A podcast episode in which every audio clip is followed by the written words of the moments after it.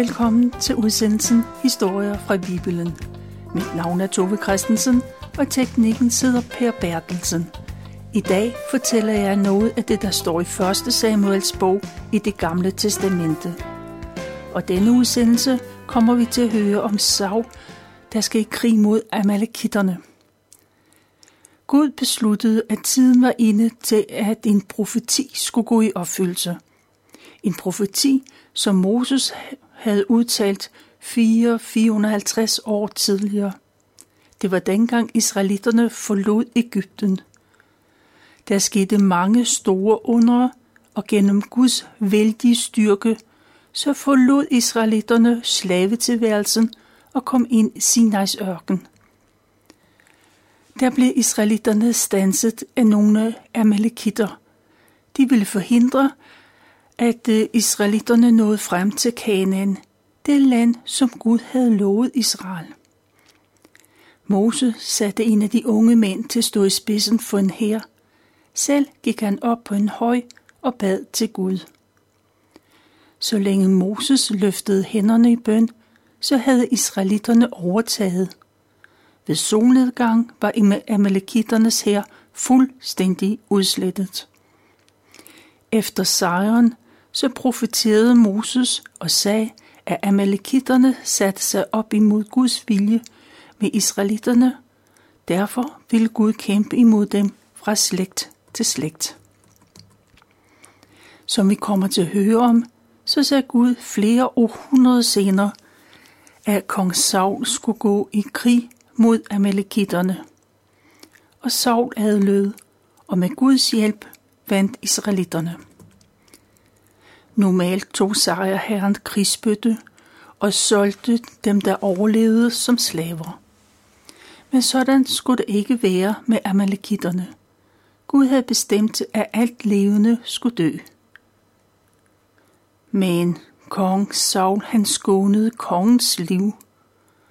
Og så tog han det bedste af alt små kvæg og de fedeste får til side. Gud blev vred over det og sagde til Saul, I Guds øjne er det en forkert indstilling. Det er lige så stor en synd som trolddomskunst, og egenrådighed er lige så slem som afgudstyrkelse. Fordi øh, kong Saul havde forkastet Guds ord, så havde Gud også forkastet Saul. Saul havde mange undskyldninger de lød alle så fornuftige og så logiske. Og Saul sagde, at han havde fortrudt det, han havde gjort. Men Gud, der ser ind i hjerterne, vidste, at Saul ikke mente det, han sagde. Saul ville ikke i hjertet bede om tilgivelse. Og så talte Gud dom over Saul dengang. Men Gud siger det samme til os i dag – Gud vil tilgive os, hvis vi erkender, at vi har brug for frelsen i Jesus Kristus. Hvert forår er det kutyme, at kongerne i området går på krigstogt. Hvert år beregner kongerne nøje, hvor stærke hans egen her er i forhold til andres hære. De beregner, hvilke byer de er stærke nok til at råbe. Det betyder, at Israel og mange andre landområder med jævne mellemrum og på skift angriber og selv blev angrebet. Derudover har Israel været besat af filisterne i årtier. Med jævne mellemrum kommer det til væbnet sammenstød mellem filisterne og israelitterne. En dag kommer profeten Samuel på besøg hos kong Saul. Han har et budskab fra Gud. Saul skal høre godt efter, og han skal gøre nøjagtigt, som Gud siger. For nu er tiden inde til, at Gud vil opfylde det, som Moses profeterede, dengang israelitterne havde været i kamp mod amalekitterne. Israel skal gå til angreb på amalekitterne, men de skal ødelægge alt, Ingen ting må skånes. Alle skal dræbes, også kvinder og børn. og alt deres kvæg og kameler og æsler, de skal slås ned. Normalt tager man jo krigsbytte af det, man erobrer, og kvinder og børn, de bliver solgt som slaver. Husdyr og andre værdier, det tager soldaterne til dem selv. Men sådan skal det ikke være denne gang, for alt og alt skal dræbes, og amalekitternes ejendom må ikke bruges af andre. Kong Saul, han samler en hær. Man har stor tillid til, at Israel kan vinde det opgør, og der kommer frivillige soldater fra hele landet. Over 200.000 vil være med til at kæmpe mod amalekitterne. Israels hær samler sig og går mod den dal, hvor amalekitternes hovedby ligger. Og der ligger de sig på baghold. Før de angriber, så går kong Saul til den anden stammeleder, der bor i området. Saul siger, at de skal skynde sig væk, for ellers risikerer de at blive slået ihjel. Det kan være svært for Sauls soldater at se forskel på de to folk. Saul advarer den stamleder, for lige dengang amalekitterne kæmpede mod Israel, så var den stamme venlig imod Israel. Selvom det er flere hundrede år siden, så husker man den venlighed. Stammen pakker sammen og forsvinder, og Sauls her blæser til kamp. Og de overrumpler amalekitterne. De flygter over hals og hoved.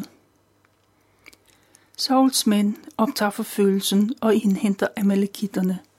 De bliver dræbt, både mennesker og dyr. Alle dør, undtagen Amalekitterkongen. Han bliver taget til fangen. Og undtagen det bedste kvæg og det fedeste lam og kalve, det blev også skånet. Alt det værdifuldste, det tager man til side. Det er stik imod Guds ordre. Kong Saul kender Guds bud, men han synes, de er fine dyr, og de er alt for kostbare til at blive slået ihjel. Profeten Samuel, han hører Guds stemme, der siger, at kongen ikke har dræbt alt. Nu fortryder Gud, at Saul er blevet konge, for han har nægtet at adlyde Gud og det er ikke første gang, det sker. Den gamle profet Samuel blev ude af sig selv, for Guds udvalgte skal forkastes. Hele natten råber han til Gud i bøn. Men tidligt næste morgen, så tager profeten afsted for at opsøge kongen. På vejen møder han en mand, der fortæller, at kong Saul er taget til, til det kam der er lige øh, noget, vi skal rette i. På vejen møder han en mand, der fortæller kong Saul, at han er taget til Karmel, der ligger i nærheden af Hebron. Og manden siger, at der har Saul rejst sig et mindemærke over sig selv. Profeten er ikke glad for den meddelelse, for kongen har ophøjet sig selv, i stedet for at give Gud æren for sejren. Det er langt fra den usikre unge mand, der blev valgt til konge. Dengang gemte han sig for ikke at træ tiltrække sig opmærksomhed. Nu har han fået lavet en statue og rejst den til ære for sig selv. Profeten Samuel vender sig om og går mod Gilgal der hvor de israelitiske krigere har til base. Uanset hvad Samuel må tænke om Saul, så har han et budskab fra Gud, som han skal aflevere. Det kan ikke ignoreres. Samuel, kongen, han er opstemt. Han er stadigvæk glad og fornøjet over den sejr, der stod i spidsen for. Hele vejen fra Amalekit har der stået folk i vejkanten, der har hyldet ham – og lykkeønsket ham, for han er deres konge og helt. og han synes selv, at han har udført alt til punkt og prikke. Han har fortjent alt den hyldest, der strømmer ham i møde.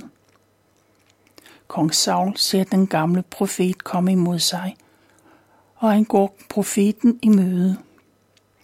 Kongen siger, Herren vil sine dig, Samuel. Og så fortæller han, at han har gjort nøjagtigt, som Gud har befalet. Ingen kan sætte finger på noget som helst. Samuel ved noget andet og spørger, hvad det er for en brægen og brølen, han kan høre. Nu skal jeg sige dig, hvad Gud Herren fortalte mig i går aftes. Det kan godt være, at Saul ikke regner sig selv for noget, men Gud har nu engang gjort ham til konge. Kong Saul fik en bestemt opgave, og der blev udtrykkeligt sagt, at alle de syndige amalekitter skulle til intet gøres. Hvorfor har du ikke adlydt? Hvorfor tog du krigsbytte til dig selv?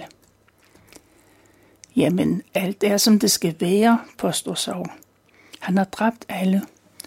Undtagen kong Agag. Han er taget til fange. Og folket, soldaterne, de tog de bedste dyr som krigsbytte. Og så vil de ofre det til din Gud, til profeten Samuels Gud. Kongen er sikker på, at Samuel er tilfreds, når han hører den forklaring. Men Samuel er ikke tilfreds. For tror kongen virkelig, at Gud er mere interesseret i brandoffre end i lydighed? Nej, at adlyde Gud er vigtigere. Gud foretrækker, at man, kan overholde hans, at man overholder hans bud i stedet for ved og fedt. Det er vigtigere at overholde budene. Kong Saul har forkastet Guds ord, derfor forkaster Gud Saul som konge. Det er det budskab, som profeten Samuel har med fra Gud. Alvoren af Guds ord gå op for Saul. Han indrømmer, at han ikke har, han, han ikke har rettet sig efter Guds befaling. Gud siger, at nu er han klar over, at det han har gjort er en synd i Guds øjne. Men Saul forsvarer sig med, at han var bange for, hvad folk sagde, og ikke mindst, hvad de ville tænke om ham. Derfor gjorde han, hvad han troede var det bedste for alle. Kong Saul siger, at han vil tilbe Gud, og Samuel skal gå med ham hen til offerstedet. Profeten skal med, for ellers tror folk, at der er noget galt. Det nederlag vil kongen ikke udsætte sig selv for. Profeten Samuel vender sig om for at gå hjem, men kongen tager fat i hans kappe. Han vil stanse profeten, men i stedet for så kommer han til at rive hans kappe i stykker. Samuel bruger anledning til at fortælle kongen, at hans holdning har en konsekvens. Ligesom kappen var blevet revet af ham, sådan vil Gud en dag rive kongedommet ud af kong Sauls hænder. Og Gud har allerede bestemt, at en anden og bedre mand skal være konge. Kong Saul insisterer på, at profeten Samuel går med, sådan bliver det. Den gamle profet Samuel står og ser på, at kongen tilbeder Gud. Da han er færdig med sine offringer, så giver profeten Samuel ordre til, at Amalekit-kongen skal føres hen til ham. Samuel og Amalekit-kongen står ansigt til ansigt. Amalekit-kongen har dræbt mange israelitter. Nu er det hans tur til at dø. Profeten Samuel løfter sit svær og dræber kongen. På den måde går Guds profeti i opfyldelse. Det er profeti, som blev udtalt igennem Moses. Profeten Samuel har udført det, som kongen, Israels konge, burde have gjort og kong Saul har tilbedt Gud, som det sig hør og bør. Men kongen har ikke haft sit hjerte med i det, Offringer har kun været med til at holde en pæn facade over for folk. Samuel og Saul, de går hver til sit. Det er måske sidste gang, de ses. Profeten Samuel har haft mange forhåbninger til kong Saul, og han er blevet dybt skuffet. Det er svært for profeten at komme over det nederlag. På trods af sine skuffelser og sine høje alderdom, er Samuel stadig profet. Gud taler endnu en gang til ham. Gud siger, at han har forkastet Saul. Men hvor længe vil profeten sørge over det menneske? Nu skal Samuel og fylde sit horn med olivenolie og gå til Betel. Samuel skal opsøge en mand, der hedder Isai, for en af hans sønner er udvalgt til at være Israels nye konge. Men profeten er bange, for hvis kongen opdager, hvad der, der skal ske, så bliver han slået ihjel. Gud foreslår derfor, at Samuel tager en kvige med, så kan han tage til Bethlehem for ofre til Gud. Det er der ingen, der hverken kan eller vil stille spørgsmålstegn ved. I Bethlehem skal han invitere Isai og hans sønner med til ofringer. Og så vil Gud sige, hvilken søn, der skal salves til konge. Profeten Samuel begynder at gå mod Bethlehem med kvigen. Da byens leder ser Samuel, bliver de bange. Hvor har de handlet forkert, siden profeten kommer? Men Samuel beroliger dem. De har ikke overtrådt nogen lov. Samuel er bare kommet for ofre til Gud. Og byens leder blev inviteret til at være med. Isai og hans sønner får også en invitation. Og alle gennemgår en speciel renselsesprocedure, det som man skal gennemgå, før man offrer til Gud. Så møder profeten Samuel bunden Isai og hans sønner. Den ældste søn er både ung og smuk. Samuel er overbevist om, at det er ham, der skal være kongen. Men Gud siger nej, det er ikke ham. Man skal ikke bedømme en mand efter hans udseende og hans højde. Gud derimod ser på hjertet. Isai præsenterer sin næste søn, men det er heller ikke ham. Så kommer nummer tre i rækken og nummer fire. Men Gud siger nej til dem. Sådan går det hver gang, indtil Samuel har hilst på seks sønner. Samuel er forvirret og spørger, om Isai har flere drenge.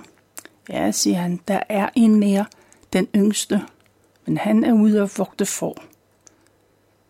Samuel befaler, at der skal sendes bud efter ham lige med det samme.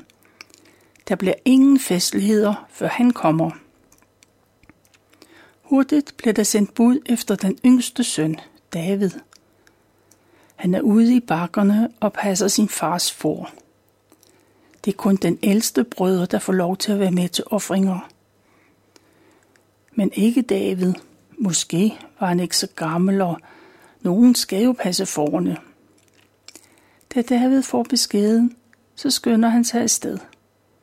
Man lader ikke en profet vente unødvendigt længe og Samuel står og ser på en ung, rødmusset dreng, der kommer nærmere. Han ser godt ud og har nogle kønne øjne. Da profeten ser den unge mand, så hører han Guds stemme, der siger, at det er ham. Samuel skal være David, eller han skal salve David til konge. Og Samuel er parat til at udføre den opgave. Profeten tager sit hellige horn og hælder olivenolie ud over Davids hoved. For øjnene af sine brødre bliver David salvet. De står og ser på, at deres lillebror bliver salvet til konge. Men det er ikke helt sikkert, at de er klar over, hvad det er, det indebærer. Og det er måske godt det samme, for det er en farlig viden at have. Det er farligt for David, det er farligt for profeten Samuel, og det er helt sikkert også farligt for Davids familie. Da de samlet ved Guds alter, så sker der det syneladende ikke andet, end at David får noget olie i håret. Men i virkeligheden, så kommer Guds ånd over David, og fra den dag er den hos ham. Efter festlighederne vender profeten Samuel tilbage til sit hjem, og David er igen en hyrdedreng. Forne skal have græs og vand, og de vilde dyr skal holdes på afstand. Hverdagen vender hurtigt tilbage, og det er som om Saul ikke har været i Bethlehem, eller Samuel ikke har været i Bethlehem. Men det er kun på overfladen, at det ser sådan ud. For David har fået Guds ånd som kongesalvet. Det betyder, at Guds ånd har forladt Saul, har forladt kongen. Gud kan kun være med en, der er kongesalvet, og nu er det David, der har fået den ånd. Guds ånd forlader Saul. I stedet for bliver han plaget af indre ånder. Kong Saul, han opholder sig i sin bolig. Han er forandret, men han ved ikke hvorfor. Han kan selv mærke det, og det kan andre også. Hans tjener jagter ham og kommer til den konklusion, at det er en ond ånd, som plager kongen. De omsorgsfulde tjenere foreslår, at Saul skal lytte til beroligende musik, når han har det dårligt. Saul indvilger, og tjenerne skal finde en, der er dygtig til at spille, og han skal komme hen til kongen. Tjenerne de taler sammen om, hvordan de skal gribe det hele an. En af de unge tjenere siger, at han kender en ung mand fra Bethlehem, en søn af Isai. Han er ikke bare dygtig til at spille lyre, han er også en modig kriger. Han er klog og ser godt ud. Tjeneren er overbevist om, at Gud er med ham. Hverken tjeneren eller nogen anden ved, at han er kongesalvet.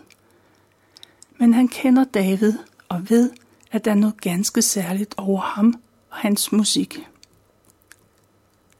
Saul sender bud til familie over i sig. Send mig din søn David, ham som vogter for.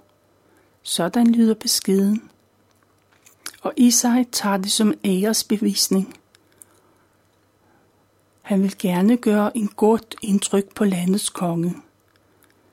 Derfor sender bunden en øh, bunden Isai.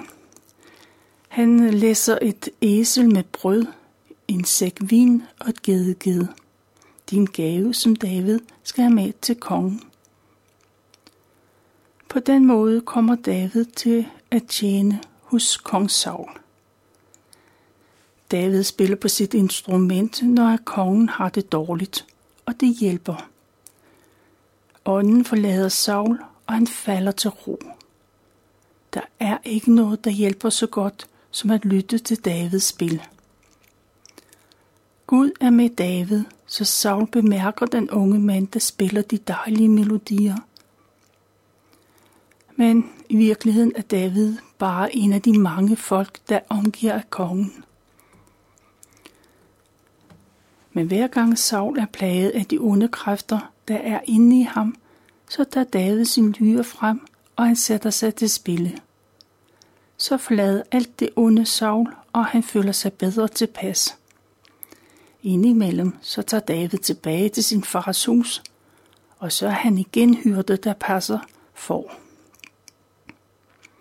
Det er, hvad jeg har valgt at fortælle fra 1. Samuels bog, kapitel 15 og 16.